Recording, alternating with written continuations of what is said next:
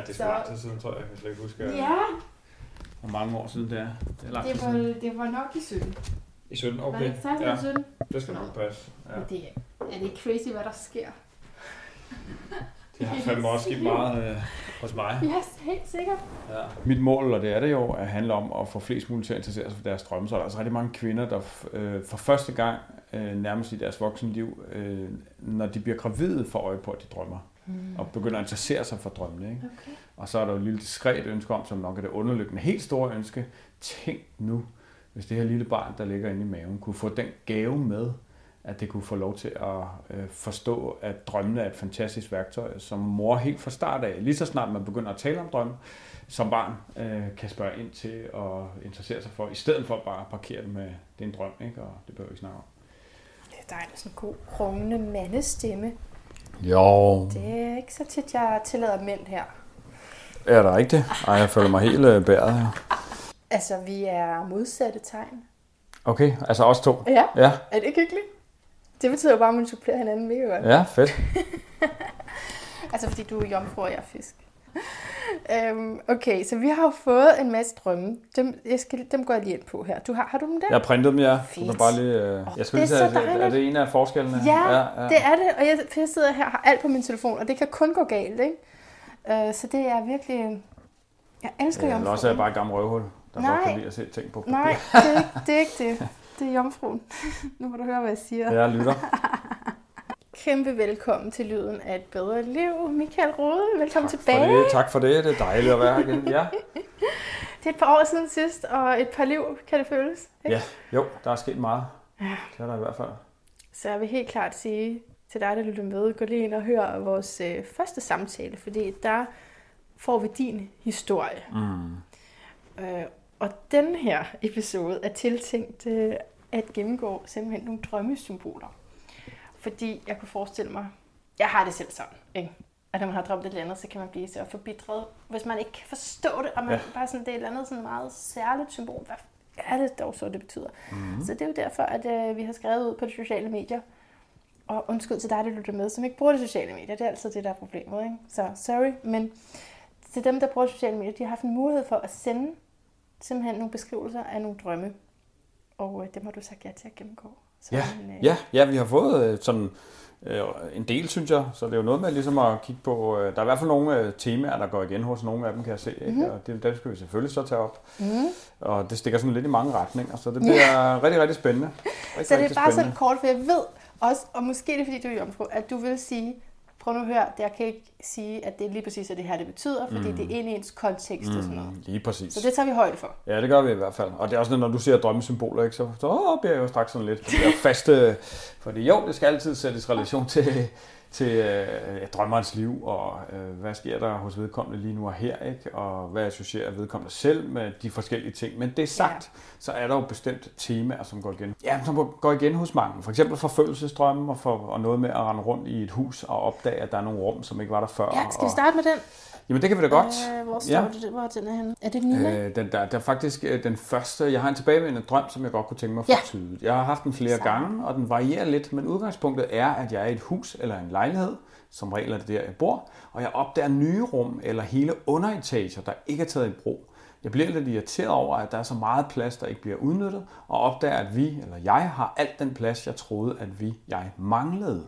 Det undrer mig i drømmen, at man kan overse et helt rum og endda en hel etage. Det er ofte større, som ikke findes i en virkelig bolig, eller en lem i gulvet under et tæppe, som gør, at jeg opdager de ubrugte rum. Det vil virkelig være fedt at få nogle ord på de her boligdrømme. Og der er jo så en tilsvarende, øh, som, jamen det er lidt det samme, Ja, ja, øh, betydning af hus, man bevæger sig rundt i, øh, Ja, er rigtigt. opdagelsen af øh, øh, rum, man ikke vidste var der. Ja. Og det er virkelig et stort drømmetema hos, hos mange. Øh, typisk er oplevelsen i drømmen, at måske ligner boligen egentlig ikke ens egen i virkeligheden, eller også gør den, øh, men følelsen er i hvert fald, at det er ens egen. Øh, og, og det, som jo er interessant at gå på opdagelse i der, det er vores egen identitet. Den vi er, de, de fire trygge vægge, øh, så at sige. Ikke? Øh, øh, og når vi så pludselig i vores hjem opdager noget, der ja, ikke er der i virkeligheden, men noget, der kommer bag på os findes, så er det der, hvor det bliver vildt spændende at lave et tankeeksperiment, der hedder, hvad kunne det, du opdager i dig selv lige nu, være et billede på? Ja. Ubevidste sider, helt konkret, øh, er det rigtig, rigtig fedt, hvis man kan øh, gå dykke ned i, hvad er der så inde i det rum, du kommer ind i? Hvis der nu står nogle musikinstrumenter, eller noget malergrej, eller øh, omvendt noget sådan lidt mere øh, i gåsøjne nørdet, positivt men noget med noget analyse eller øh, teknisk et eller andet. Øh, altså så kan sådan en, en, en drøm jo vidne om, at her er altså, altså nogle dybder, nogle sider, som lige nu i dit liv måske ikke er noget, du udnytter eller bruger, øh, udlever på en eller anden måde. Så vil du sige til hende her, at øh, det er en god idé næste gang du får den, at lige kigge på, hvad der er inde i rummet? Ja, hvis hun kan, øh, men jeg hæfter mig selvfølgelig også ved, at hun skriver, jeg har alt den plads, jeg troede, jeg manglede. Altså, det er, jo, det er jo sådan en, der potentielt kan skrige til himlen på, jeg har egentlig det, der skal til. Jeg går og bilder mig selv ind, at i mit liv, så kan jeg ikke opnå det, jeg vil, øh, øh, på grund af dit og dat, alle mulige begrænsninger. Så kan drømmen sådan ligesom med al tydelighed sige, stop searching, start acting kind of thing. Ikke? Altså, øh, lad være med at blive ved med at løge, øh, lede eller overbevise dig mm. selv om, at du skal have dit og dat, måske et bestemt øh, grad på CV'et, eller måske, mm. I don't know, hvad der sådan kan være øh, øh, det, som øh, drømmeren her tænker, hun mangler i forhold til at, at kunne lykkes. Øh. Så hus som symbol, er det os selv? Ja, det er jo i hvert fald en vinkel på det, ikke? Ja. Øh, og selvfølgelig er der den meget mere konkrete, øh, som man selvfølgelig altid lige er nødt til at komme omkring, det er også kalder den ydre tolkning af en drøm, ikke? Ja. Altså den meget sådan, hvad kan man sige, manifeste, konkrete, øh, er der noget med din bolig lige i øjeblikket? Det er Karl, hvis man går og renoverer, eller i, i, i drømme i den indre tolkning af boligrenovation, virkelig et billede på et indre større arbejde, ikke? Eller boligen bliver for lille, der er ikke plads til mig, jeg skal flytte. Øh, Men i den ydre tolkning, det er klart, hvis man lige har malet i værelse eller har indrettet, så kan drømme jo i gåsøjne bare kommentere på det. Ikke? Ja. Øh, men nogle gange er der også det, jeg vil kalde synkronicitet, altså sammenhæng ja. øh, mellem det, vi gør i vågenlivet, og hvad det så vækker af ting og sager i, i os selv. Ikke? Okay, lige et mellemspørgsmål, inden ja. vi går videre til næste. Ja. Uha, uh, der, der kommer alle mulige spørgsmål op i mit ja, hoved. Ja, ja. Altså, er det vigtigt, hvornår på natten man drømmer det her? Fordi nogle gange så drømmer jeg sådan lige, når jeg er, ved at vågne, og så er det mm-hmm. som om, jeg godt ved, jeg drømmer, og så er det måske lidt konstrueret. Det konstrueret? Ja, ja, når du siger konstrueret, så vil du godt, hvad, hvad betyder det egentlig? Altså har du selv en følelse af, at du... Øh... Så kan, det er som om, tænker jeg det her, eller drømmer jeg det her? Ja. Men det er drøm, men det, måske har jeg noget med det at gøre. Ja, altså øh, der, der er jo det øh, spændende fænomen, som, som jo vi, vi potentielt også kan tale om der, som er de lucide drømme, ikke? altså vågen drømme, klare drømme, det er fænomen om, at man ja. er bevidst om, at man drømmer, når man drømmer. Man er altså ja. altså vågen i sin drøm, men man er i drøm. Mm. Øh, og i, sådan, i den tilstand, øh, altså, så er man jo bevidsthed, og det, ved bevidsthed, og det betyder, at man kan agere i drøm. Ikke? Men i forhold til tolkning, ja øh, så øh, er det for mig relativt underordnet, om det er på det ene eller på det andet tidspunkt. Okay. Øh, og hvor dyb der, den er. Hvor ja, dyb altså, man er nede i søvnen, det er underordnet.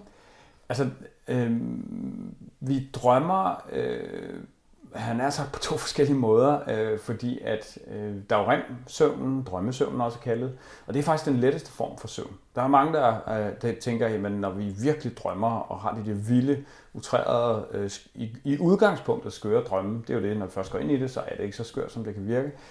Øh, når vi har dem, så er der mange, der tænker, der sover jeg dybt. Men det sjove er faktisk, at der er vi næsten vågne.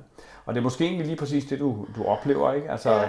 REM-søvn, drømmesøvnstilstanden, er øh, den letteste form for søvn, øh, vi har på nær sådan indsovning, opvågning. Så det er, sådan, det er næsten det samme lige der. Ikke? Så vi er næsten vågne, når vi er i REM-søvn. Øh, og det er måske også det, der kan forvirre lidt nogle gange. Drømmer jeg, eller er jeg vågne? Ikke, ikke REM-søvnen, altså det er den dybe søvn. Øh, og, og de er ofte sådan mere virkelighedstro, en ting med virkeligheden, og det er det, der får mange til i drømmeforskningsverdenen at tænke, jamen det er især nok de drømme, der hjælper os til at huske ting og til at lære noget, vi er i gang med at lære. En eller anden skill, mm. fremmedsprog, eller, øh, eller hvad det nu kan være. Ikke? Så øhm. rigtig dårligt det ikke at sove om natten, hvis du vil lære noget. Ja, ja, altså helt, helt grundlæggende, så drømmer vi jo, altså remsøvnen bliver jo, vokser han altså andelen af remsøvn per søvncyklus. Vi sover jo de her halvanden time søvncykluser, ja. øh, og dem, hvis vi får vores 8 timer, og det gør vi jo alle sammen. øh, så 7-9 skal vi jo have. Jeg tror, det er 1% af som reelt kan klares med mindre, uden at det har konsekvenser for fokus og mm. øh, alle mulige ting jo. Sandsynlighed for demens som ældre og alle de her, altså listen er jo lang. Hvorfor har vi brug for at sove? Utrolig øh, meget at sige om det. Øh, men vi drømmer mere og mere, som landet skriver frem. Andelen af REM-søvn bliver simpelthen længere og længere i de, for hver af de her søvncykluser. Det betyder, at vi drømmer mere de sidste fire timer i 8 timers nattesøvn, end de første fire timer. Right. Og det er jo simpelthen øh, øh, ofte der, for at vi om morgenen, når vi kommer tæt på at skulle op og sådan noget, og så har vi de længste, mere intense drømme. Og det er tit der, vi så bliver vækket, hvis vi har vækkeur, øh, eller vi simpelthen bare bliver vækket af drømmen, fordi den er så intens, øh, positiv, negativ, fantastisk, skræmmende, øh, hvad det nu kan være. Ikke? Ja, at blive vækket af drømmen. Mm. Mm. Okay, vi går videre. Ja, Og så venter jeg lidt med flere spidespor. Øh, vi har den her anonyme med at blive jagtet af folk med gevær og alle mulige former for skydevåben. Jeg kan ikke huske, om det er anonym, anonym men jeg kan ikke huske navnet, så derfor har jeg skrevet anonym. Ja, men det er, så, det er helt fint. Øh, ja, og, og forfølgelsesdrømmen er jo simpelthen øh, nummer et på listen over mest Nå. øh, huskede drømme. Nå, øh, så det okay. er øh, et stort, stort tema. Og det der jo er, altså igen, når man går til en drøm, så øh, er det bedst at gå til den fra de her to vinkler, ikke? den indre tolkning og den ydre tolkning. Ja. Hvor den ydre tolkning af en drøm er øh, at se Er på der nogen, drøm der som efter dig? ude i virkeligheden Ja. som så igen kan være sådan mere symbolsk jo. Øh, Er det arbejdet? Er, det, er jeg presset der? Stress? Øh, øh, altså helt konkret øh, øh, kan det jo være, at man er forfulgt af sin chef og sine kolleger, så bliver det måske relativt tydeligt, hvad det igen Mm. mm. kan handle om. Ikke? Mm. Så det er igen den ydre tolkning. Og det er nemlig den indre tolkning af en drøm. Det er, hvordan kan den her drøm øh, være et billede på noget i mig selv? Ganske enkelt. Ikke? Altså de mennesker, der optræder, billeder på sider af mig selv. Øh, Det, der sker i drømmen, billeder på noget, som jeg oplever mig selv. Øh, Og, lige præcis her at blive jagtet med gevær eller alle mulige former for skydevåben, eller noget i en selv. Indre forventningspres. Ja, og, og det er jo her, hvor Okay. det kan blive kæmpestort, ikke? fordi at det er der, hvor man jo øh, sådan ren psykoanalyse-agtigt kan virkelig dykke ned i, er der nogle temaer i dit liv? Er der nogle steder, hvor øh, øh, jeg kan huske i forbindelse med noget øh, sundhedsmagasinet udsendelse, jeg lavede, hvor der er en kvinde, der øh, øh, hele tiden drømte, hun blev forfulgt af øh, mafia, sådan indre mafia, og det bliver sådan et stærkt billede, ikke? Jo. som i hendes tilfælde, øh, øh, ja, man kommer frem til at flere samtaler, øh, formodentlig især har handlet om øh, øh, oplevelser af hendes barndom, som har gjort, at altså, hendes, hendes mor i det her tilfælde har lagt stor pres på sådan rent forventninger. Og, mm. Så hun går altså rundt med sådan en konstant indre mafia, øh, hvor hun føler sig, at hun hele tiden skal performe og, og gøre ting godt. Og, Og når man så har det nøgle, så er det jo så, man lige kan Ja, så bliver man bevidst. Ikke? noget det er jo step one. Ja. Øh, Ja. Og, og, og Ja. det, det, man jo bliver bevidst om lige der, det er, at jeg har altså det her tema kørende. Mm. Og måske det er derfor, jeg hele tiden oplever, at jeg er stresset og presset. Mm. Måske jeg ikke kan give min chef skylden længere. Måske det her faktisk i højere grad er noget indeni. Spørg et mellemspørgsmål. Mm. Kunne det her også være beskeder fra en anden, altså en anden verden? Eller? Ja, øh, og der, nu snakker vi jo lige inden, øh, at vi gik i gang her, Manna, om hvordan at der også siden vi sidst vi så, så er der også sket meget hos mig i Ja. forhold til sådan, jamen faktisk både tilgang til mig selv selvfølgelig, men også øh, øh, drømmene, hvor det nok i mange år har, her kan man sige, især har været sådan den meget psykologiske vinkel, ikke? Øh, apropos barndom og øh, øh, dynamik mellem mennesker øh, i vågenlivet og alle de her ting, underliggende ubevidste øh, adfærdsmønstre osv. Øh, men øh, jeg synes i høj grad, jeg, øh, øh, at man lige, lige så ofte også kan tænke, ja, hvordan er det her noget øh, sådan lidt udefra kommende, eller i hvert fald noget, man, man tapper ind i en større fællesmenneskelig Ja. intelligens, ikke? Øh, den Som kollektive prøver at bevidsthed. fortælle dig noget. Som prøver at fortælle en noget. Altså, øh, for eksempel er der for mig ikke nogen tvivl om i dag, at, at jeg er sat på jorden af en årsag, og, mm. og, og det meget af mit liv er, øh, jamen det som jeg tror, det som jeg tror er en af de helt store formål med livet, det er at finde ud af, hvad er det, jeg er sat her til for? Mm. altså, hvad er mit mål? Hvad er mit blueprint? Hvad er, Ja. Hvilken mission øh, kom jeg hertil med? Øh, ja, og der er drømmen altså en vigtig... Jeg synes, det er en af de, de vigtigste steps. Selvfølgelig kan man sådan mærke med sig selv, og øh, også noget, jeg selv har arbejdet meget med. Øh, det her med, har jeg en følelse af at være ja, den spirituelle tænkning omkring, der er to følelser, ikke? fear and love. Okay, ja. Øh, og er jeg i, i høj grad nu, lige nu i, i love, eller i høj grad i frygtmode. ja. Øh, og, og jeg ved jo, at i højere grad, når jeg i højere grad tuner ind på det, jeg egentlig skal, det jeg ved, er det rigtigt for mig i mit liv at gøre, øh, jamen det hænger utrolig godt sammen med, at, at, at så er jeg Men meget du mere det over i. reflekterer sig så også i drømmene. Man kan opdage det, er jeg i kærlighed eller i frygt? I, Ja, Ud fra ja, også, hvad man ja. lige gennemgår. Ja, altså det, igen kan det være sådan på to øh, planer, både konkret, meget virkelighedsagtigt, og så samtidig kan man bestemt lave vinkler til noget større, mere kollektivt, øh, ja, spirituelt, om man vil. Øh, for eksempel havde jeg selv en, en, en drøm om at komme kørende. Det, det er fire uger siden, og jeg håber, vi har tid til det, men jeg Ja. gør det kort. Øh, men der kom jeg kørende på min mountainbike ude i en skov, øh, og ræser det ud af, og ser sådan meget sammenbidt og forbistret ud, ikke? og sådan, åh, åh, jeg skal, nu skal jeg jo have min motion. Så ser jeg pludselig sådan en bakke inde i skoven, og pludselig på den anden side af bakken kommer der et, et stort brunt hoved op, og lige med det samme, så står jeg og mærker, at det er en bjørn, en kæmpe bjørn. Ikke? Og Hvor er du så, henne i verden? I en skov, en tilfældig skov. Øh, I Danmark? Som, I Danmark, ja. Er der... øh, Altså, i min drøm, ikke? Ja. Nå, det er ja, ja, ja. Nå, ja. En drøm. jeg var vigtig, vigtig ja, ja. Uh, skældning. Uh, jeg var lige herude uh, i Valbønærheden her, ja. ja. Og render der bjørne. Nej, det var en drøm. Vi skal høre efter. Det er ja, ja, ja, det er godt. Uh, men den her drøm, den bliver, eller den her bjørn, den bliver altså tydeligere og tydeligere, og, og jeg bliver bange. Jeg bliver bange, og uh, går i kamp med den simpelthen, sådan en nærkamp. Søger lidt at vriste mig fri, hvilket også lykkes og sådan noget.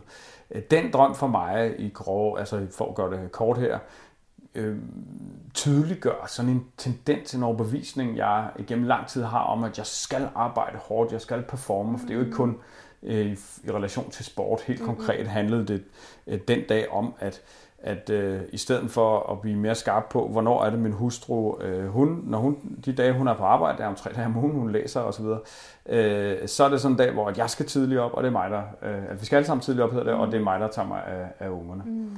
Øh, fordi hun har taget afsted ret tidligt og arbejder på hospital og sådan noget. Hun er ude døren, og jeg er klokken syv, øh, og det er sådan mere mig, der står med det hele. Men så har jeg altså den her, jeg skal også have min motion jo. Yeah. Øh, og så skal jeg selvfølgelig både aflevere unger, og når jeg afleverer dem, cykle en mega lang tur mm. og sådan noget. Ikke? Og resultatet er lige der, så bliver jeg skide irriteret og sur, fordi jeg gider jo ikke alt det der. Altså meget jomfruagtigt, Michael. Jamen præcis, og måske jeg er ved at opleve øh, øh, en større øh, transformation der, øh, mm. fordi at ja, det som jeg ser med den drøm, det er, at det handler om for mig at tappe ind i den her bjørneenergi. Fordi den ja. bjørn var skide venlig. Den ville mig ikke noget ondt. Nej. Den stod nærmest der, sådan og var overbærende, og jo mere, jeg, jeg kunne næsten fornemme og røre dens pels, ikke? og ja. jeg kunne mærke, hvordan den nærmest havde lyst til bare at kramme den. Og, ja. Altså, det handler for mig om at, at omfavne det i mig selv. Ikke? Ej, øh, så det var jo altså, helt konkret ført det jo simpelthen til, at hver søndag, så sidder vi og taler om derhjemme, hvornår er det, at du er på arbejde, og hvilke dage, og så planlægger jeg derudfra, ja. hvornår jeg så skal cykle. Ikke? Ja. Fordi de dage, hvor hun er på arbejde, så tager jeg bilen. Ja, så du får dine rutiner, og så giver slip, ja. når Og så i det hele taget det store spirituelle billede, så synes jeg også, at den bjørn for mig øh, illustrerer sådan det her med i højere grad og øh, lean towards love, øh, yeah. overgive mig øh, mm. til, til noget større, til Gud, og øh, øh, komme væk fra ideen og illusionen om, at jeg kan kontrollere alt og sådan have mere tillid til det hele. Ikke? Det er jo en virkelig et godt eksempel på, hvordan det hænger sammen med, fordi jeg ved ikke, om der er nogen, der kunne sidde til og lige sige, hvad den bjørn betyder, og den kamp. Altså, det kunne man måske give nogle stikord, men egentlig så er det meget ind i din kontekst, ikke? Ja, det er nemlig meget min kontekst, øh, og altså, der er for eksempel noget, der tager, altså, ideen om kraftdyr, ikke? Ja. Og øh, tanken der, og det giver også utrolig god mening for mig, og det er jo det, det handler om med drømmene. Ja, Hvornår har man tolket rigtigt? Det har man om den, der har haft den virkelig kan mærke at føle, det her, det, ja. det resonerer. Men altså, vi kunne lige tage det der, for der er en, der skriver om rovdyr. Øh, jeg har haft nogle grimme marit, da jeg var lille. Ja. Der omhandlede, at jeg var omringet af rovdyr, da jeg sad på vores klaverbænk. Ja. Og der er det jo altså enormt vigtigt, synes jeg, det hun så også skriver, lad os lige tage den sådan, det omhandler, mm. jeg var om, omringet af rovdyr, da jeg sad på vores klaverbænk. Jeg sad helt stille og kunne slet ikke bevæge mig, for hvis jeg gjorde det, ville nogen opdage mig. Øh, jeg vågnede altid der, hvor de fik øje på mig. Det var så skræmmende, og jeg drømte om det igen og igen. Øh, og så skriver hun så, at jeg gik til klaver og havde det. Altså dengang mm. i barndommen. Mm. Øh, så jeg tror, der måske er en sammenhæng her. Smiley. Mm. Øh, ja, og så er der så en anden drøm, men, øh, men lad os bare stoppe den der. Altså det er jo igen, det er jo, synes jeg også meget tydeligt, hvordan, at hvis nu vi ikke havde den sidste del med, jeg gik til klaver, og jeg havde det, så kunne jeg jo sidde der med at komme med alt muligt med, øh, med øh, og det er jo klassisk hos børn, at børn drømmer mere om dyr, og, ja. og det er så tit er rovdyr, som så kan være et billede på det her med, at de er i proces med at me, blive mere bevidste om, jamen når man som barn øh, nede i børnehaven, og der er en, der stjæler en klejetøj, ikke, så så slår man jo kræfter mig, ikke? Øh, og bliver sur, mm. eller det er selvfølgelig forskelligt, om man altid gør, men det er jo sådan et naturligt reaktionsmønster, så det... som så i drømmesprog kan være en indre løve, okay, altså rovdyr, ja, der føler sig angrebet, men ja. man slår bare igen, ikke? Men så når hun siger, at det har at gøre med, at hun gik til klaver og ikke gad det? Ja, altså vi ved det dybest set, ikke? Fordi hun igen, øh, bedst så skulle hun jo lige være her og komme med hendes egne tanker, men når nu den også står der, så, så er det jo tydeligt, hvordan det bliver en helt anden vinkel på drømmen, ikke? som i hvert fald skal undersøges. For det kan jo ganske enkelt bare være, som hun lige præcis siger, altså hun har simpelthen følt det som et forbandet pres, det der. Ikke? Mm, okay. De der løver, og, øh, eller nu siger jeg løver, og rovdyr, øh, øh, som, som altså truslen, og da hun har følt, at hun virkelig skulle øh, enten performe, eller i hvert fald øh, opleve det langt den vejen ubevidst, øh, som noget, hun skulle, hvor hun ikke havde lyst. Altså, det bliver meget tydeligt, ikke? Jo. Og så er det jo, altså, er det samfundet, er det forældrene, er det, hvad fanden er det, ikke? Altså, mm. den største fortrydelse på dødslaget hos os alle sammen er jo klassisk det her med, at jeg vil også have haft mod til at leve mit liv tro mod mig selv. I stedet har hele mit liv handlet om at leve op til andres forventninger mm. til mig. Ikke? Mm. Og for mig er det at undgå at få den fortrydelse en af de bedste årsager til at, til at arbejde med drømme. Ja. ja. Ja. Øh, stadigvæk. Jeg tror, mm. jeg snakker om sidst. Nej, men det giver for tre god, år siden. Det giver så god mening. Men der er den jo måske et meget godt eksempel. Ikke? En ting er klaver og musik, noget andet er, ja, hvad, hvad, laver man så, hvad laver hun så i sit liv lige nu? Ikke? Kan der stadig på nogle områder være en tendens til, at hun i højere grad prøver at være noget, som hun dybest set ikke selv har lyst til at være, og så videre, og så videre. Skal vi tage en anden spørgsmål også? Ja. Det der med at flyve. Og så, altså hun har ofte drømt at hun flyver, og så falder hun Og så falder hun konkret ud af sengen. Ja. ja, og igen, så er det jo svært at vide. Der er nemlig også en anden flyvedrøm. Den synes jeg så også lige, vi kan, ja, lad os øh, kan tage. Jeg drømmer meget ofte, det er sådan en anden. Ikke? drømmer meget ofte, at der er en, noget eller nogen efter mig, og jeg flygter ved, at jeg må flyve. Mm. Så enten må jeg kaste mig ud af et vindue fra fjerde sal, eller også er det noget med at flyve fra 3 til 3, eller som det seneste, hvor jeg flyver meget, meget højt op i den sorte himmel, og kæmper en indre kamp for at turde give slip og så kommer så et uh, indsigt her, haha, mens jeg skriver det, det tænker jeg, om det handler om at turde give slip. Men hvorfor er der en efter mig, og hvorfor er jeg så hunderad? Yeah. Øhm, flyvedrøm generelt, igen, et af de helt store, bedst huskede temaer. Jeg tror langt hen ad vejen, fordi det tit for mange opleves jo fantastisk jo. Ja. Øh, altså at kunne flyve. Ikke? Det er øh, ja, øh, de lucide øh, drømme, altså det her fænomen, man kan jo træne sig op til at kunne vågne i sine drømme. Ja. Og der er mange, der så bruger lige præcis øh, det til så at kunne flyve deres drømme, ja, det fordi det bare er en fantastisk følelse, ikke? Og frihed jo. Og, ja. Men hvis man så samtidig er pisse bange for at falde ned, og så, så får det pludselig nogle andre... Ja, hvis der er noget frygt med. Ja, kontekster, ikke? Ja, øhm, og, og i det her tilfælde, altså som barn, øh, altså der er utroligt mange børn, der har drømme om at flyve. Ikke? I mange tilfælde vil det handle om, øh, sådan lidt en, en, en evne med at komme lidt på afstand af det hele. Jeg kommer øhm. til at tænke på med frygt, altså højt at flyve, dybt så ja. skal bange for. Ja, og det er det afgørende, kan man sige, hvad, hvad er følelsen i drømmen? Ikke? Hvis man hænger deroppe i himlen, og det eneste, man tænker på, det er, fuck, nu falder jeg ned, ja. øh, så kan det nok være noget øh, frygt, og, og det kan jo være relateret til, øh, at man måske øh, gerne vil have det der overblik i sit liv, eller bilder sig ind, man har det, men mm. den underliggende skildring i drømmen er, det har man måske så ikke, eller man er hele tiden bange for at miste kontrollen. Og hende her, hun er i hvert fald voksen, for, ikke også? Øh... Jo, den, den anden der. Den anden, den er øh, voksen. hende med, øh, ja. Øh, og så skriver hun jo netop selv, at, at, øh, øh, at, at det måske netop handler rigtig meget om at, at turde give slip. Og så er det selvfølgelig spændende at høre, på hvad? Ja. Er der nogle gamle overbevisninger? Er det, hvad er det, du skal give slip på? Er det dit Men, gamle liv, eller det liv, du har til nu? Du altså ved? grunden til, at, at drømme er så god til at vække os, er vel fordi, at de, wow, hvad var det lige, jeg drømte, ikke? Man siger, hvad, jo. det her, det er jo. jo, at hun kaster sig selv ud fra et vindue på fire sal. Ja, så enten må hun gøre det, ikke? Eller også, øh, øh, så enten må jeg kaste mig ud af vindue på fire sal, eller også er det noget med at flyve fra tre til tre. Ja, oh, ja. ja, ja. Øh, vi vil godt have en renskrivning af den her. ja, Nå, men ja, whatever. Øh, men der er i hvert fald et eller andet tema der, ikke? Øh, hvor, øh, hvad er det et billede på hos hende? Ikke? Ja. Øh, og når hun så siger, hvorfor er der en efter mig, hvorfor er jeg så hunderad? Jamen det kunne igen være et billede på øh, noget indre, øh, som netop kunne være den, det, det, den indre, det der efter hende kunne igen måske være øh, hendes egne øh, hendes eget indre forventningspres om at skulle leve eller være på en bestemt måde. Øh, og så er det det, hun ikke øh, tør at give slip på, og det er det, hun forsøger at flygte fra. Altså meget billedligt i, i drømmen her, ikke? Øh, eller øh, ja, noget hende selv, uden, uden for hende selv. Og hvorfor hun er så bange, jamen det er jo, det er jo, det er jo, det er jo skræmmende at give slip. Jeg ved, hvad jeg har, jeg ved ikke, hvad jeg får. Alle de her klassiske øh, tænkemåder i forbindelse med at skulle lave en større livsforandring. Ikke? Mm. Øh, og så holder mange simpelthen fast øh, apropos at komme til at fortryde en masse, når livet så er over. Ikke? Øh, nu bliver det jo, det bliver jo lidt for simpelt her, kan jeg ja, godt mærke. Ikke? Øh, men det er jo meget sådan til inspiration. Ikke? Hvordan er det, drømmene kommunikerer, og hvordan skal jeg øh, øh, gå til dem? Det er, altså, hver gang jeg siger noget astrologisk også, så kunne jeg have skrevet, altså det er måske ikke jeg, men så kunne der skrives fem bøger, om, altså, som ikke var det, jeg sagde præcis. om lige præcis det symbol. Det det, det ligger i, når det er symboler, ikke? Jo. I øvrigt, så kan man jo også tage dit, øh, jeg har taget dit minikursus, eller hvad hedder det? Ja, så sådan noget on- online kursus, Drøm dig i live. Ja. ja. hvis det er, man gerne vil have svaret på, for eksempel, hvad man skal gøre mm. for at huske drømme og sådan noget. Fordi jeg, ja, og forstå dem jo især. Det er en stor del af det kursus, jo. ikke? Jo, men jeg øh. synes også, fordi jeg, jeg tænker, ej, jeg skal i gang med at drømme alt det her. Jeg vil det, også, mm. det vil jeg da også prøve. Ja. Og, og, mange gange er det, fordi jeg ikke kan huske det. Ikke? Ja, ja, nå, men helt, så, helt sikkert. Det er ligesom stedet at starte. Ja. ja. Okay, øhm, så er der Ida, øh, som gerne vil vide, hvad valer, særligt spækhugger, kunne symbolisere i en drøm. Ja, og den er igen sådan lidt, øh, potentielt mange ting kan det betyde, ikke? fordi valer er øh, en stor ting, øh, og det er jo helt tilbage til sådan, øh, den bibelske historie om Jonah and the whale, altså Jonah, som blev opslugt af, af, af, en, af en val, ikke? Mm. Øh, og hvordan man i perioder mm. måske øh, kan være opslugt af sit ubevidste, altså mm. underforstået være vanvittigt ubevidst, øh, styret af... Nå, men altså, det, det tror jeg, vi alle sammen er, jo, jo. Øh, også mig i perioder, uden tvivl stadigvæk. Ja.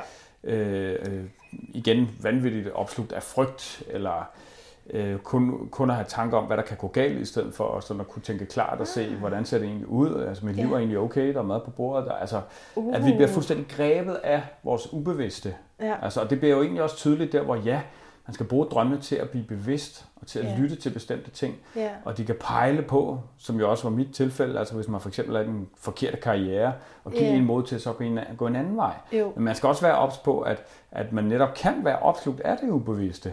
Altså styret opslugt. af det ubevidste. Frygt, det, det ligger i ja. galen, opslugt. Det, det, det, det, det, det, er den vinkel på den, ikke? Men nu yeah. sætter hun jo så ord på lige præcis spækhugger.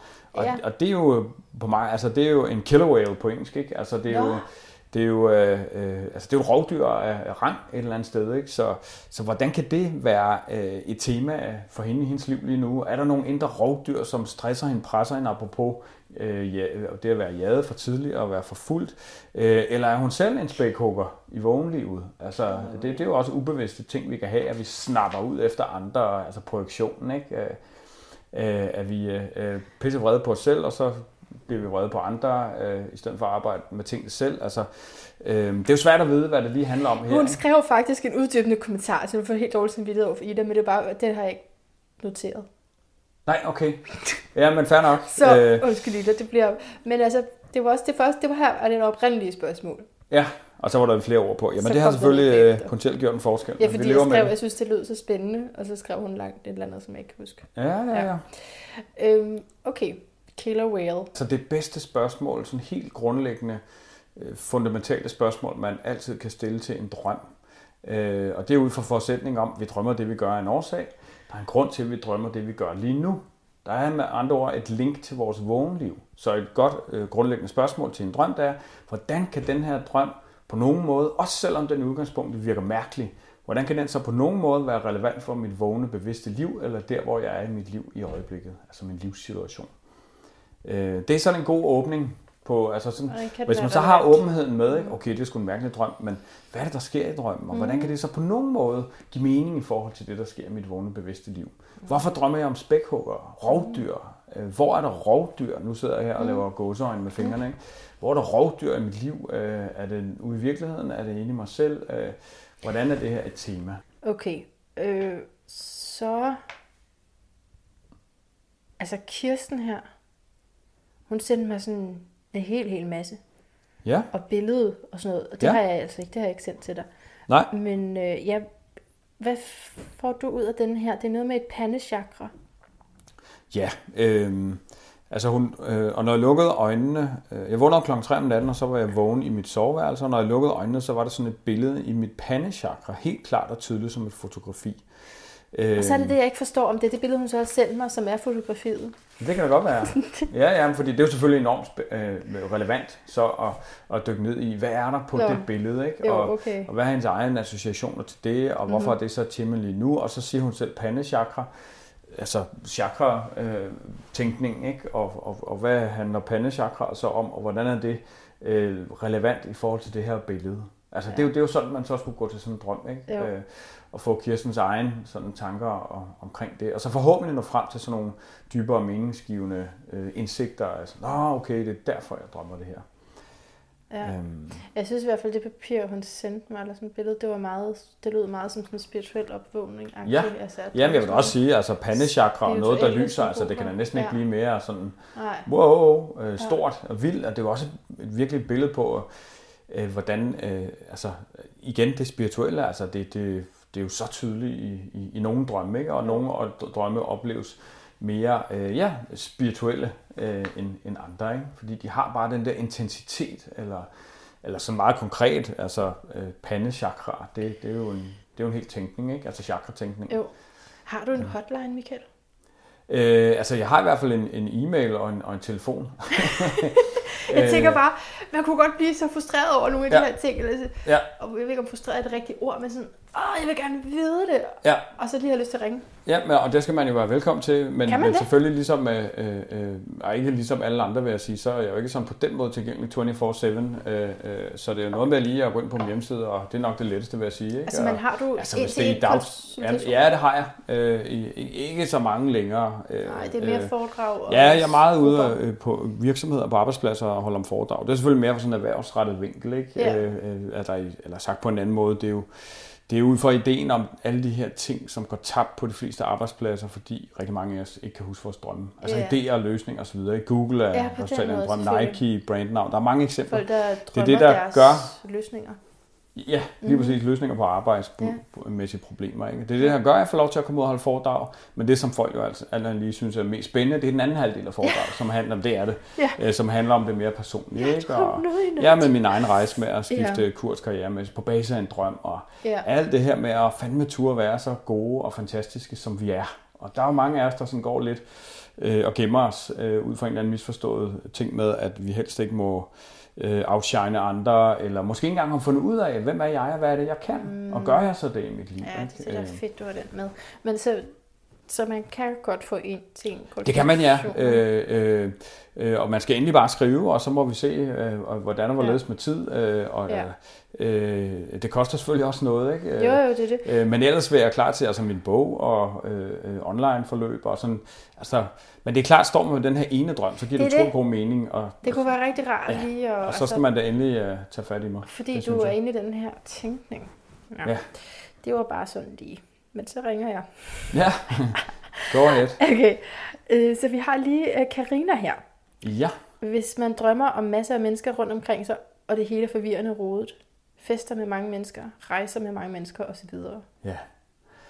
Spændende, spændende, spændende. Og spændende øh, for mig vil også være, øh, ja, hvor er hun i hendes liv igen? Ikke? Hvad er det, Ja. der sker i hendes vågen tilværelse? Øh, er der konkret noget med, at hun er meget på farten mange mennesker?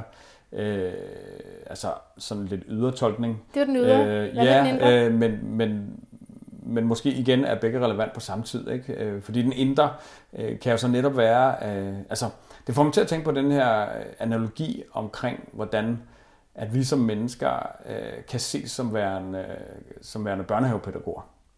Øh, og øh, når man er børnehavepædagog, så er der en masse børn på en stue, som øh, alle sammen har brug for opmærksomhed og kærlighed. Øh, det kan man ikke, for der er mange af dem. Så det er og- forskellige sider af en selv. Lige præcis, ikke? Øh, Og det kunne være kreativ Carla, det kunne være musikalske Morten, det kunne være nørden Niels, det kunne være altså alle de her sider af os selv, som, som øh, jamen, ah. så må så meget om, hvis den ene af de her sider bliver misligeholdt for længe, så kommer der ind der er ubalance, og vi bliver triste, og vi, altså det er jo klassiske symptomer, eller vi bliver stressede igen igen.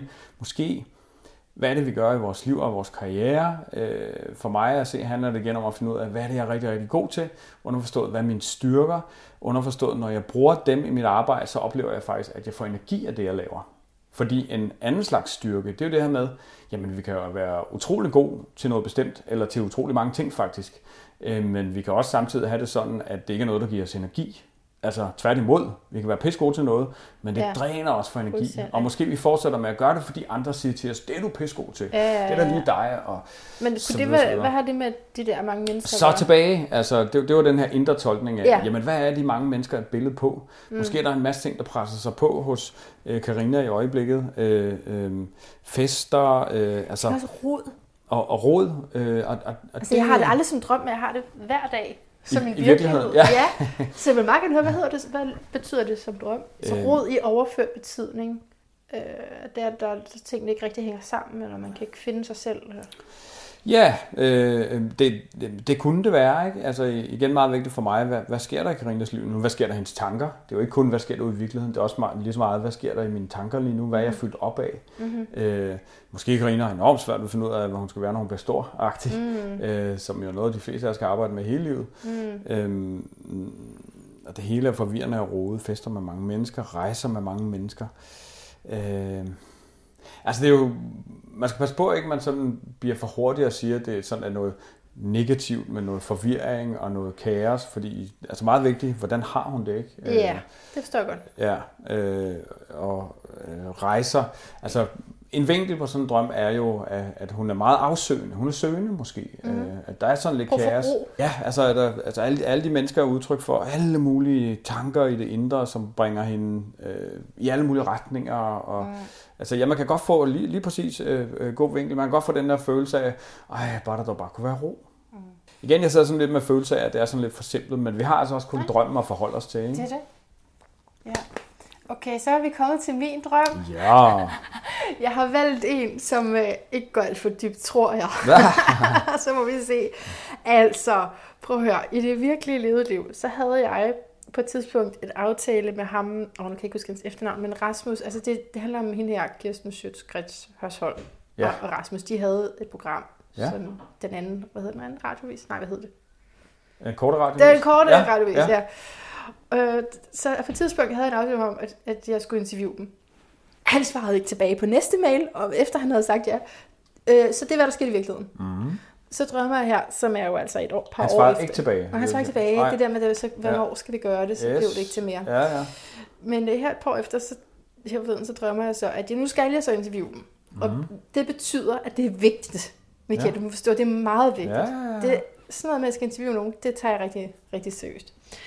Øhm, og så er det jo, at min teknik ikke går, som jeg har lyst til. Jeg kan simpelthen ikke finde ud af at tænde den, eller der er et eller andet galt. Den optager ja. ikke, ja. og det er også noget, som i det virkelige liv kan give mig totalt sved og osten op. Oh, ikke? Jo. Det er meget forfærdeligt. Og det er det også i drømmen. Og det i drømmen, der prøver jeg at ringe til min mor. Mm. Hvilket jeg aldrig ville have gjort i virkeligheden. Nej. For hun øh, på ingen måde kunne hjælpe mig med andet Nej. end at få mig til at få det dårligere, hvis det skulle være noget. Ikke? Jo. Men det gør jeg altid i drøm. Og hun tager den ikke. Og så bliver den her altså drøm til... Pff, altså det, ja, så hvis vi snakker om, det er vigtigt, hvad for en følelsesmæssig tone, så er jeg bare enormt frustreret, og sådan prøver ja. ligesom at holde ja. det, øh, det skal nok gå, ja, ja. ja. og så lige pludselig, så er det altså, så er det noget med, og det er måske et kun, fordi jeg ikke kan huske, hvad der så sker, men så er det sådan noget med, at jeg skal til et bryllup med min veninde Louise, øh, som jeg ja. tror ikke lige ligger i korten, hun skal giftes, men det, det drømmer jeg så. Det skal så i drøm, ja. Det skal og så skal jeg give hende en gave, og jeg vil gerne give hende et horoskop, hvilket også er mærkeligt, fordi hun er selv astrolog. Jeg tror ikke, hun ville blive glad. så, og jeg kan ikke få min telefon til at virke. Mm. Så er vi tilbage til, til teknikken, ja. som jeg er ret sikker på, at vi talte om sidste gang. Jeg tror, jeg sagde det i forhold til GPS og sådan noget. Ikke? Ja, som jeg ikke kan få til at virke i min drømme. Øh, og så giver jeg hende slik i stedet for. Ja. Som jeg også godt selv ville have haft. Mm. Det er min drøm. Ja, og den er jo skide spændende, ikke? Altså, øh, der, og der, der er jo potentielt mange øh, og potentielt dyblæggende temaer, ikke? Er der det? Øh, der kommer i hvert fald nogle tanker, og dem kan vi jo så prøve af. Ja. Ikke? Altså, jeg vil sige, sådan helt overordnet, så øh, meget generaliserende, så er det virkelig, virkelig stort tema hos folk, der har sådan performance-relaterede jobs. Ja. Altså lige fra kirurger eller læger, ikke? Og til, øh, ja, jeg kender det selv som foredragsholder, ikke? Ledere, altså når man går på arbejde, og man, eller man skal lave et interview, så er man ja. fandme på lige der. Ikke? Øh, og det er så meget naturligt, at det kan et sted komme drømme, hvor det går helt galt. Øh, okay. som egentlig bare selvfølgelig kan være et billede på frygten for, at det sker, ja. øh, men som så omvendt konstruktivt mere kan bruges til, sådan har det åbenbart. Kan jeg gøre noget for at forberede mig bedre? Kan jeg gøre ja. noget for at arbejde med det her? Mm. Øh, eller kan jeg bare ligesom, jamen kan jeg arbejde med frygten? Øh, mm. Øh, måske det hjælper det ikke noget, uanset hvor meget jeg sidder og nørder med den her øh, øh, Zoom-optager, som øh, vi har brugt til at lave, øh, eller redigeringsprogram, eller hvad sådan det nu er. Øh, om jeg tager lange kurser, det flytter ikke på det der, så er det nok mere den generelle frygt. Øh, og det stikker sådan over øh, i nogle andre ting for mig, fordi der er det her med, ja, du vil gerne ringe til din mor. Ja. Det plejer du ikke at gøre. Nej. Og øh, der kan jeg så ikke være med at hæfte mig ved, altså din oplevelse af de her to mennesker, øh, hvor at første gang, så bliver du sådan, ja, det siger nok for mig. Du hører i hvert fald ikke tilbage, vel? Øh, fra ham Nej. Rasmus. Ja, øh, Rasmus, ja. Øh, og, og det, det, altså, Jamen, jeg kender det også fra mig selv, ikke? Altså, hvor, kan, man så, kan det blive til noget stort ind i... Altså, hos nogen kan det jo blive til noget meget stort omkring simpelthen svigt. Altså, der var jeg ikke vigtig nok. Eller, Uh, ja, helt altså, klart. Og, og, Så er vi nede øh, noget dybt. Der er jeg ikke vigtig nok. Jamen, jo. Ja, og Det er det der med, at man selv ved, hvornår det giver mening, ikke? Jo, og Den når der. du får den følelse, så er Ja. det jo fordi, så har vi fat i noget. Ikke? Og så meget, at du faktisk vil ringe til din mor. Det vil sige, øh, nu Ja. siger du meget firkantet, øh, Ja. hun mestendels skulle, kunne hjælpe dig til at få det endnu værre. Altså, kunne der være en sammenhæng mellem din potentielle dybe følelse, ubevidst måske, Ja. af det her lille svigt, øh, som, som er den virkelige oplevelse, øh, til den sådan helt store øh, svigt, som du måske har oplevet som, som er du lille. Ikke? Og er det så et stort tema for dig øh, øh, i dit liv? Og så synes jeg også, det bliver spændende øh, at komme over i øh, det gode budskab her. Fordi altså, i drømmesproget, så er der, jamen der er jo selvfølgelig ens egen konkrete virkelige mor, i det, altså i din mm. drøm her. Ikke? Mm. Men så er der også det, som man øh, rent arketypisk, altså fælles men menneskeligt, om man vil. Det er jo så meget jungiansk noget, ikke? Ja. Øh, kunne tale om den gode mor Ja. over for den onde mor. Det er jo sådan lidt nogle, mm. nogle modsætninger, ikke? Øh, som er noget, vi alle sammen har i os. Øh, altså nogen vil så si- sige naturligt kvinder mere end mænd, fordi det er mødre, det handler om, øh, og så er der også den arketypiske far, gode far, onde far, øh, hvor den gode øh, mor i, i, nu har jeg jo lige skrevet en bog omkring gravide drømme, Ja. når gravide drømmer, og det er jo også et stort tema, det er altså, øh, bliver jeg en god mor? Kan jeg være en god mor? Ikke? Øh, øh, og, og der er altså simpelthen noget grundlæggende med, at uanset hvor objektivt set øh, øh, god og nærende og udviklende ens barndom har været, så har man altid potentiale til at blive for meget eller for lidt af det ene og det andet mm-hmm. som mor. Altså, øh, den gode mor i det her billede er jo den mor, som evner at støtte og give omsorg og have empati øh, øh, øh, og så videre, sådan på en naturlig måde. Øh, den onde mor, øh, der hvor det bliver omklamrende, begrænsende, altså hvor man passer for godt på sit barn, det vil sige henter barnet i sin udvikling simpelthen. Mm. Ikke? Øh, altså, det er grovtræk det her, giver Ja, det mening? ja, ja, Altså ja. den gode mor for den onde mor. Ja, så det er når man, generelt til, når man drømmer om mødre, så Ja. kan man tænke i dem. Og her vil jeg jo sige for dig, Manna, kunne det være interessant at, at begynde at tænke på, hvis nu den der mor for dig, altså rent psykoanalytisk, øh, og det er meget stort for mig, det her kan jeg mærke lige nu, øh, fordi jeg har haft sådan lidt en krise øh, de sidste par måneder, Mm. fordi at jeg selv er begyndt at, altså der er simpelthen åbnet sådan nogle helt nye dimensioner for mig, på sådan meget mere spirituel plan, ikke? hvor jeg jo har igen været meget på det psykodynamiske, psykoanalytiske i forhold til drømmen. Øh, altså så har jeg virkelig begyndt at arbejde med min egen spiritualitet Ja, og ideen ja. om at åbne op for noget meget, meget større, og hvordan at der selvfølgelig også er noget i drømmene om det. Og det var det, jeg så havde en krise over. Mm. Hvis nu, for det er jo det, jeg har oplevet, hvis nu at jeg kan arbejde på at finde min, tune ind på The Love That Is Always There, mm. altså det er meget på engelsk, det jeg læser, ikke? Ja. Øh, øh, øh, jamen, buddhisterne kalder den naturlige tilstand. Øh, øh, andre kalder den den divine, the divine condition. Øh, altså noget, vi alle sammen har mulighed for at tappe ind i og ramme os selv. Øh, så vi kommer ud af frygtmode, så vi kommer ud af det her negative tankemode. Mm. Øh, og der har jeg jo simpelthen oplevet et, hvordan at jeg kan fange mig selv og sige, okay, nu er jeg med frygt. Det er også en Ja. måde at tale om det på. Jeg er med frygt. Ja. Øh, nummer to, jeg ved, jeg kan komme ud af det. Mm. Altså igen, drømmene er jo gode til at sige, nu er jeg ved med frygt, og få mig til at wake up kind of thing. Mm. Øh, og så har jeg fundet ud af, at, at jeg kan gøre noget for at komme hen i det bedre mode. Øh, og øh, og øh, det kunne jeg tale længere om, ikke? Alle de ting, jeg så gør for, og det er jo meget individuelt, hvad er det så, der gør, at man kommer tilbage i kærlighed. Ja. Øhm, men anyway, der havde jeg sådan en større krise omkring, fuck man, hvis, hvis man kan det, så kan drømmene jo være fuldstændig lige meget jo.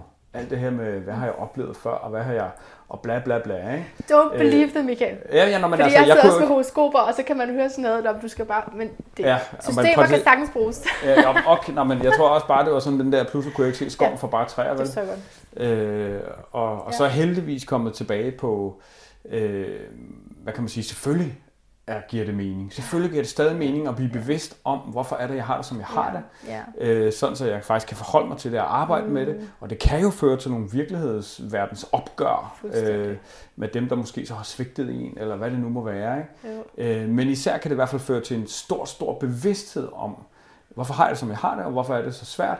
Hvor så det næste kan være, hvordan kan jeg så, nu med al den her viden, jeg tror faktisk ikke, man kan gøre det, hvis ikke man har arbejdet med de ting. Nej. Hvordan kan jeg så tune ind på den her større, øh, du spurgte selv, er der en større kollektiv bevidsthed, ja. er der noget? Ja. Øh, og det er der, jeg mener, hele den tænkning, øh, hele den verden ligesom øh, ligger.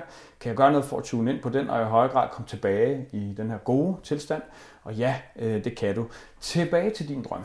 Ja. Fordi at, øh, altså en ting er jo din mor og dine egne oplevelser, mm. øh, som du har haft, øh, hvor du straks kan, kan så, ja, så kan du ryge offerrollen og alt mm. det der, ikke? Og, ja. og dumme killing, og Nej. øh, øh, nej, men, nej, men jeg ved, det er jo ikke sådan, du ja. mente ok. Øh, uff, tro mig, jeg har været der meget, øh, også med min mor. Øh, Mm. øh, og så har jeg også sådan arbejdet med det mange Ja. år, vil jeg sige. Ikke? Øhm, fordi en anden vinkel på din mor kan jo simpelthen være, at du søger selv at komme ind i den der større omfavnende Ja. kærlighed. Ja. Måske er hun netop et billede på Guds kærlighed, universets kærlighed. Øh, Jeg tænkte også på det der med at ringe hende op, altså at det ringer noget i mig selv op, som Ja. nu tager jeg ansvar, nu fikser jeg. Ja, nu gør jeg teknikken. noget, og så kan du kræfte mig ikke øh, få hul Ja. igennem. Øh, Ja, det kunne jeg ikke få det igennem. Nej, og det, det kan jo så, det kunne jo så konkret være et billede på netop din sværhed lige nu, mm. ved at få fat i det der. Ikke? Mm. Øh, og det er jo det gode med drømmene, at Altså, nej, det er nok vigtigt at sige. Altså, man skal jo arbejde med dem på en rigtig måde. Ikke? Fordi Jo, man kan jo bare bruge sådan en drøm til at gå og slå sig selv over en hul. Det kan nej. jeg ikke finde ud af. Nej. Så, nå, så er målet jo at, prøve at finde ud af, hvordan jeg gør det. Og hvad med teknikken? Ja, Øh, men der vil jeg jo sådan, øh, altså der, igen, det kan være det helt generelle med, øh, altså det er jo fandme et element af det her. Ikke? Nu sidder vi her med zoomoptageren og mikrofoner på, og, øh, øh, og måske har du haft konkrete oplevelser af, formodentlig, at det ikke Masser. virkede. Ja, ja. Øh, og det er jo, åh, tænk nu, hvis det skete med de her meget vigtige mennesker. Ikke? Øh, Ja. I din oplevelse af meget vigtige mennesker. Ja. Vi er bare almindelige mennesker, ligesom alle mulige andre. Men Fuldstændig. tro mig, jeg kan sætte mig ind i det i forhold til, hvis jeg skulle, som jo er mit store øh, håb at få lov til at interviewe Barack Obama, Øj. som bruger hans drømme på præcis den her måde. Ikke? Det gør han jo. han det? Ja, det har han skrevet øh, rimelig bredt om i hans biografi fra 2004. Shit. Øh, så Ej, det bruger det han jo som leder og som far, jamen, som menneske. Ikke? Det er så din drøm, og min, og Ja, min drøm Så må, må ikke, at jeg også godt kunne øh, skide lidt grønt over teknikken, øh, hvis jeg skulle interviewe Barack Obama. Øh, Ja. altså, at, øh, det, det er jo den der oplevelse. Pointen er bare oplevelsen af for dig, det har været vigtigt det her. Ikke? Jo. Og så bliver det måske endnu mere et tema om, ah, bare teknikken ikke fucker op. Ja. Som igen symbolisk kan være et billede på din større følelse af, bare jeg ikke fucker op. Ja. Altså, Åh ja. Øh, og så er, er, der, er, der, jamen, så er der noget at, at, at arbejde med. Ikke? Hvordan kan jeg forberede mig bedre? Ja. Øh, kan jeg konkret se på, altså inden mødet, måske skal jeg komme samme morgen, øh, simpelthen tjekke Zoom-optageren, og jeg skal også komme i god tid. Altså, det er sådan helt Men hvad med lavpraktisk. det der med, det er jo slet ikke planlagt? Altså hvis jeg dog bare havde de luksusproblemer, men det var slet ikke planlagt, dem jeg gerne ville interviewe. Altså Øh. øh. jeg, mener, jeg mener, jeg har jo ikke fået et interview med dem. Men Det er rigtigt, Ja. ja. Ja, øh, ja men, det, men det er jo der, jamen det ved jeg ikke, hvad du sådan, øh, selv tænker om, om det, altså om det så potentielt kan være den der større følelse af, at måske at den oplevelse har sat større spor hos dig, end du sådan lige har været bevidst om, altså ærgelsen over, at det ikke lykkes. Øh, ja, Altså budskabet om, vi synes ikke, det er spændende nok, det du laver. Øh, Ja. Altså, hvordan tager man den ind? Ikke? Øh, mm. Måske mere ubevidst end, end bevidst. Øh, det kunne være, at du var vred på dem, ikke? Så er hun botnakker. Altså, hvad tænker du? Ja, men jeg tænker, at det giver god mening med, at det er et slags svigt, eller, og, og så skal jeg ligesom hele igennem min egen mor-rolle. Ikke? Ja, Altså ja. selv drage omsorg for det sted i mig, som tror, at jeg ikke er god nok Ja. til, at de gider at blive interviewet af mig. ja, og jo forstå, at det er jo flot ligegyldigt for, om du er et godt nok menneske Ja. eller ej. Ja. Og det er jo nok den rejse, der for de fleste af os kan tage jamen, utrolig mange år. Den var i hvert fald, Altså- så blev den dyb alligevel. Men så den der anden del af drømmen, er det bare typisk med, at man går, og så er det noget helt andet, eller hvad? Det hænger ikke sammen. Vi behøver slet ikke at, gennemgå det, men, men bare sådan Øh, klassisk, ja, men det er jo sådan lidt spændende. Hun skal jo så giftes, og hvad, hvad kan det være et billede på? Altså, øh, I og med, at hun ikke skal giftes i virkeligheden. Ikke? Øh. Også det med, at min drøm har mest fokus på, hvad jeg skal give hende en gave. ja, Ikke så meget alt det andet. ja, og så bliver det sådan noget slik, ikke? Ja. Øh, som du faktisk alligevel har svært ved at give fra dig. Ja, jeg falder altid tilbage på det der. Så Ja, det er en god gave. hvis man ikke øh, nej, men, men altså, ja, måske skulle der ikke grines der, men, men vi sidder og kigger på, at udefra Ja. set, ikke, så at noget med at give noget slik, som så er Ja. svært ved at give. Altså, hvad er det Ja. for noget slik, og hvad er det et billede på? Altså, Ja. øh, nogen vinkler på, på slik i drømme. Altså, det, det, er jo, det er jo tomme kalorier, det er hurtig energi, det, er- der, ja. der er ikke rigtig sådan substans i det, om man vil.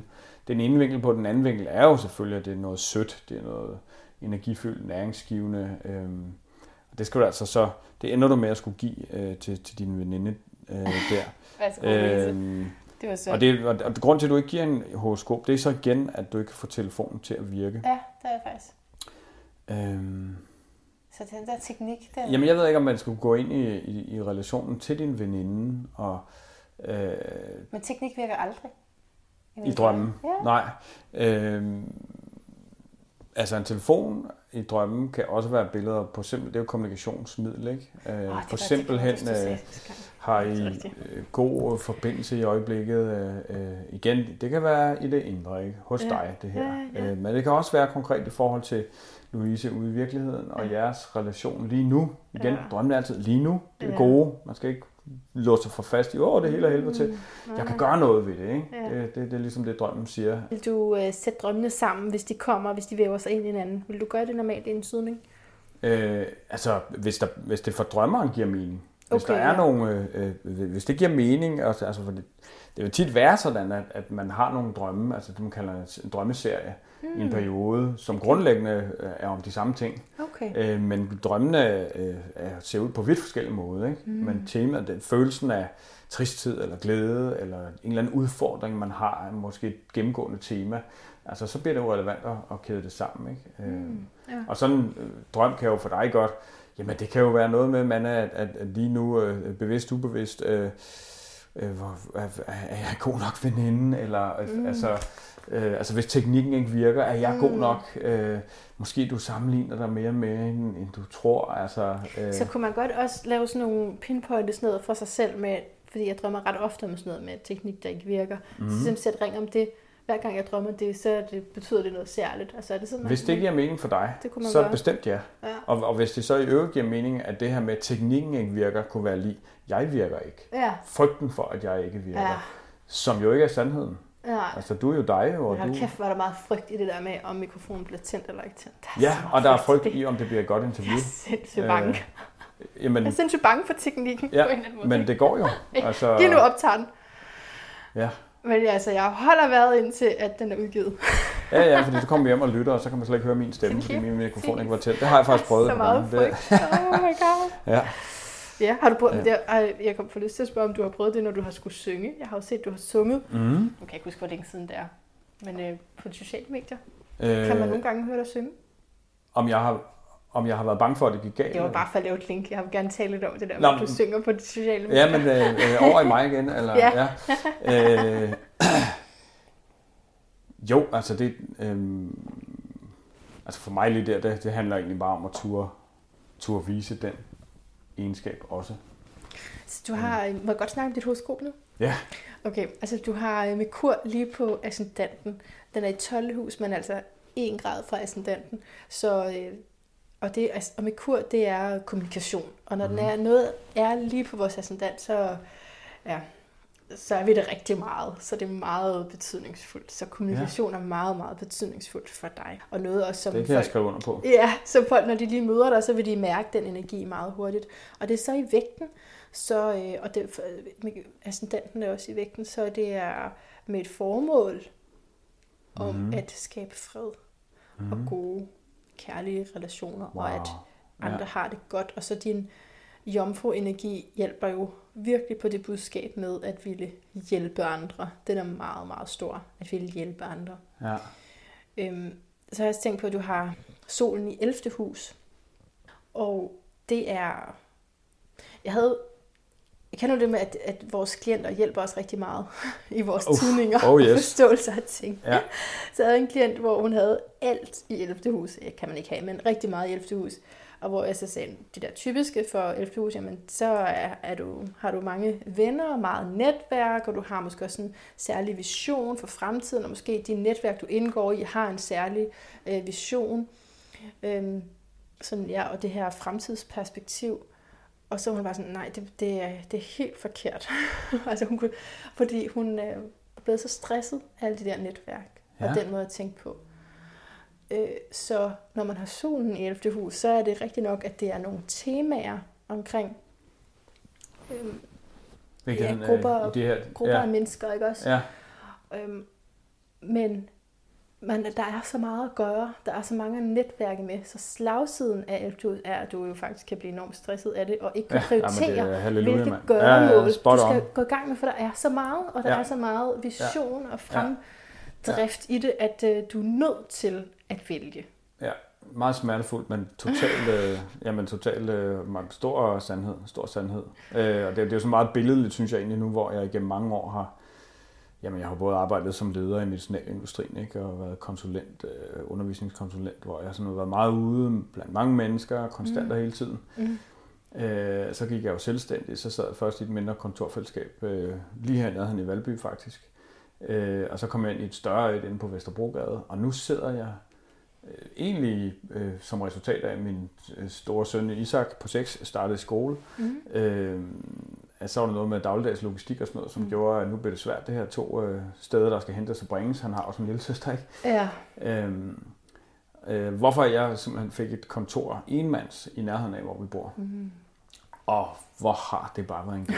Ja, altså, jeg kan dyrke min yoga der, jeg kan lukke døren, jeg kan...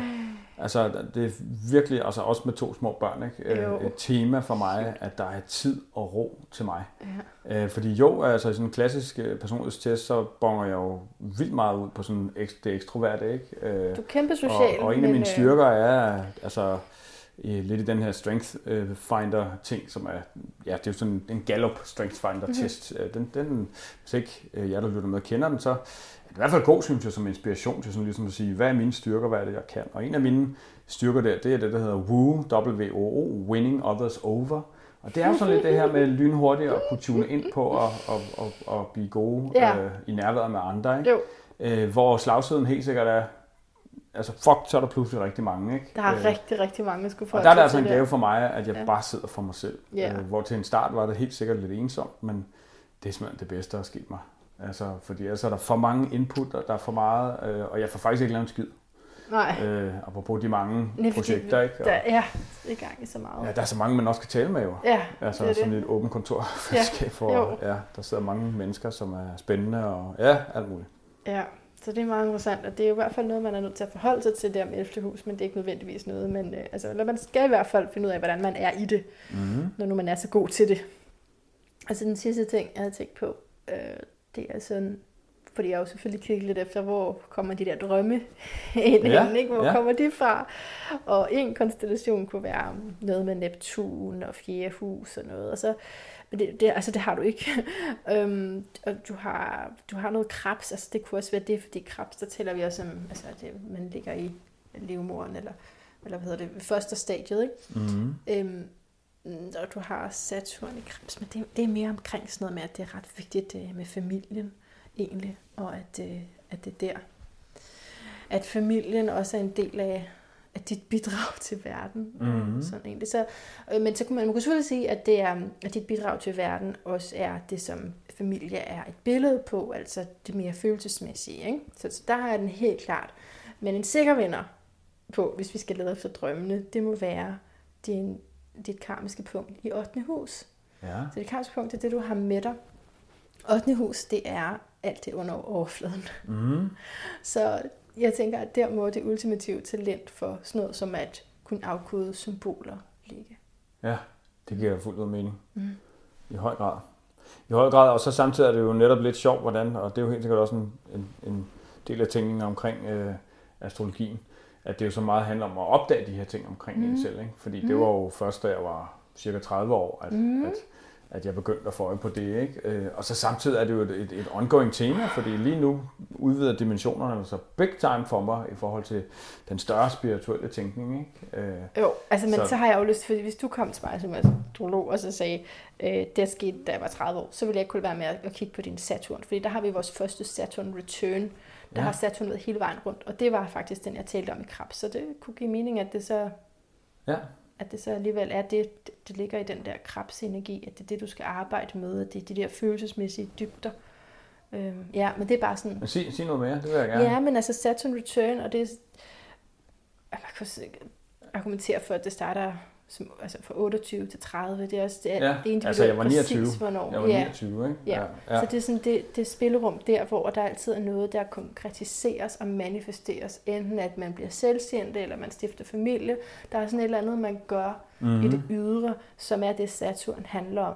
Og så kan det være et ægteskab, der holder, eller det kan gå over. Det, det, men altså man konkret lige der, hvor jeg lige det. kom ud af et forhold og var røvked af det. Og, Ja. ja. altså, det var sådan en livskrise på en anden måde, ikke? Ja. Øh, som, som kickstartede, øh, øh, hvor karrieren gik skide Så på godt. den måde havde det med familie at gøre ja, også, nemlig. som ja. ligger i Ja, det er jo i hvert fald ja. det longing for, Ja, tror jeg, helt familie. klart. Ikke? Ja. Ja. Som for mig er noget med base og helhed. Og, øh, ja, men der, hvor man ligesom kan, kan, kan slappe af og være den, man er. Det er så Ja. røvsvært med børn på 4-6 Ja. år. Men, men øh, i hvert fald sådan mere symbolsk. øh, ja. Yeah, where is the freedom? Where is the freedom? Ja. Ej, det, er- det er et meget, meget smukt horoskop. Så, men Michael, jeg skal jo ikke øh, tage mere på din videnskab. Jeg vil også lige sige, at som jomfru, det har vi talt om overhovedet med jomfru, det er fordi, det, det giver sig selv for mig, det med de her rutiner. Og det, det, Nej, det har vi ikke talt om. Du satte lidt ord på det i forvejen. øh, Ja, eller inden vi gik i gang her Ja. med, at vi var hinandens modsætninger. Det er vi, ja. Og, ja. Og, og så, så at rutiner at være forberedt, og, og så at kunne være overkritisk over for sig Ja, selv, den ja. ligger også der, ikke? Ja. Være optaget af sundhed øh, er vigtigt, men så også øh, skriftlighed. Så hvor mange bøger har du skrevet? To. Det her er nummer to, Det er nummer som jeg to, har ja. i hænderne nu, Ja. når gravide drømmer. Øhm, altså, det er virkelig en gave. Og det håber jeg, du ved, hvor stor en gave det er. Altså, at kunne, det der med at kunne sætte, både at skrive, men også at systematisere din viden. Ja. Det er, Det, jo det er jeg rigtig glad for, at du siger. at med, med, I perioder er jeg bevidst om det, men jeg er nok ikke bevidst om det, hvor, hvor, hvor stor en gave det egentlig er. Som for mig, øh, jeg tror når jeg sådan er blevet presset hårdt, for, for eksempel skulle sige, hvad det er, jeg øh, kan, så er det nok noget med ligesom at kunne sige, at kunne tage et stort, relativt komplekst om, område og gøre det sådan tilgængeligt og forståeligt. Ja. Øh, Cut det ned i nogle bidder. Og ja, sådan. øh, strukturere det Ja. og gøre det spiseligt på en eller anden måde. Så det giver da Mhm. utrolig god mening Mm, i høj grad. ja. Jeg har bare et sidste spørgsmål til dig. Og det er, hvad er din lyd af et bedre liv? Ja, men altså lyden af et bedre liv for mig er nok sådan lidt noget andet end sidst, uden at jeg kan huske helt konkret, hvad jeg har sagt. Øh, men der er jo sket noget meget vildt øh, sådan i, i måden, jeg arbejder apropos det planlæggende og struktureret og sådan noget. Ikke? Øh, du kender Brian Mains Goal Maps. Jeg har godt hørt om det der ja, Ja, øh, men det er jo sådan noget med at, at virkelig gøre sig bevidst om, hvad, hvad, hvad vælger jeg gerne, ikke? Mhm. hvad er min mål, og, øh, og hvad er så mine underliggende motiver for det, som så kan være glæde og Mhm. frihed og som store, store ting. Ikke? Øh, og så skal man så henholdsvis skrive målene ned og tegne dem. To Mhm. forskellige. Øh, og jeg tror, jeg har lavet mit, sådan, mit tredje goal map her for et halvt års tid siden. Mhm. Øh, det er jo blandt andet på basis af Goal Map 1, at min første bog, Sådan forstår du dine drømme, udgivet på Dansk Psykologisk Forlag, at den kom til verden, ikke? fordi den kom Okay. ind der, og jeg skal udgive den bog, og det skal jeg på det og den dag. Mhm. At det så aldrig bliver lige, det tager altid længere tid, sådan, sådan er det. Ja. Øh, men, men der er ingen tvivl om, at det, at den kom op der, og jeg fik den tegnet, altså, det gjorde noget. Ikke? Ja. Det samme med den her, øh, når gravide drømmer, øh, forstå dine drømme og finde ro i graviditeten, øh, er jo også kommet på de der goal maps. Men det, som er det afgørende nye, synes jeg, i mine goal maps, kan jeg se, at hvor målet før var øh, at hjælpe så mange som muligt, og øh, øh, tjene øh, penge, så, så jeg kan leve et godt liv, Mm. øh, så er det vigtigste, vigtigste, vigtigste for mig nu, man tegner sådan en tegning ind midt i det Mm. hele. Ikke? Mm. Der sidder en mand, som er fuldstændig i ro og i balance med sig selv. Ah, ja. Altså, og hvor der i øvrigt er tegnet hjerter rundt om, Mm. ikke? Altså sådan kærlighed. Ja. Øh, altså, jamen sådan sagt lidt for simpelt, ikke? For, for år tilbage, så tror jeg, at et stort mål for mig, det var at, at, at øh, altså det var i hvert fald den første del af min karriere, ikke? At, at komme op i hierarkiet, og Mm. altså titler og status og penge og alt det øh, haløjser der. Øh, det absolut vigtigste for mig nu, det er bare at have, have ro og fred indeni. Mm. Og, og altså have sådan den der følelse af, ja, den buddhistiske tænkning, den naturlige tilstand, eller the divine condition, ikke? Øh, Og nej, man kan overhovedet ikke menneskeligt, det er ikke muligt for mennesker at være i den hele tiden, men man kan arbejde på at være i den så meget som Ja. muligt. Øh, Ja. Det er simpelthen mål nummer et for mig. Ja, Fordi jeg ved, at alt det andet, det kommer bare ikke til at ske, hvis ikke det der Mm. er på plads. Så det er, det er mål nummer et for mig. Det er at, at, at, at have den der indre ro. Og det er jo, slags, det er jo en slags tillid Ja. til livet, ikke?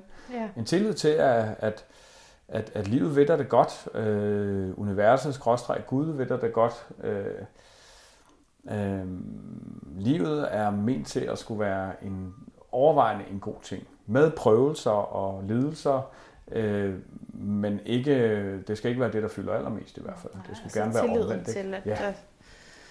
det tjener et eller andet formål. Ja, så, så lyden af et bedre liv for mig, det er jo et, et liv, hvor der i høj grad er fred og ro på det indre plan. Ja. Perfekt. Vidunderlig lyd.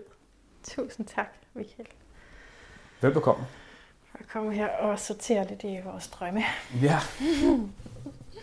Af hjertet tak, fordi du har lyttet med på den her om drømmesymboler med Michael Rode. Jeg skal indrømme, at han ligger mit hjerte meget nær. Måske er det, fordi han er jomfru. Altså, jeg har vist sagt det før, men jeg er simpelthen så lykkelig for, at jeg får lov til at se folks horoskoper nu, og at det er noget, jeg beder om som en del af podcasten. Det gør bare, at, øh, at alting... Ved du hvad? Det gør faktisk, at jeg kan elske mennesker mere, når jeg ser deres horoskop. Det er måske lidt weird, men altså... Det er sådan, jeg har det, fordi jeg får bare sådan en... Nå, det er det, jeg fornemmer i dig. Okay, og så bliver jeg bare fyldt af kærlighed til dem, fordi jeg kan se. Fordi jeg ved, hvad det arketypisk bor, måske i det og det tegn og så videre. Så fornemmer jeg det i mennesket.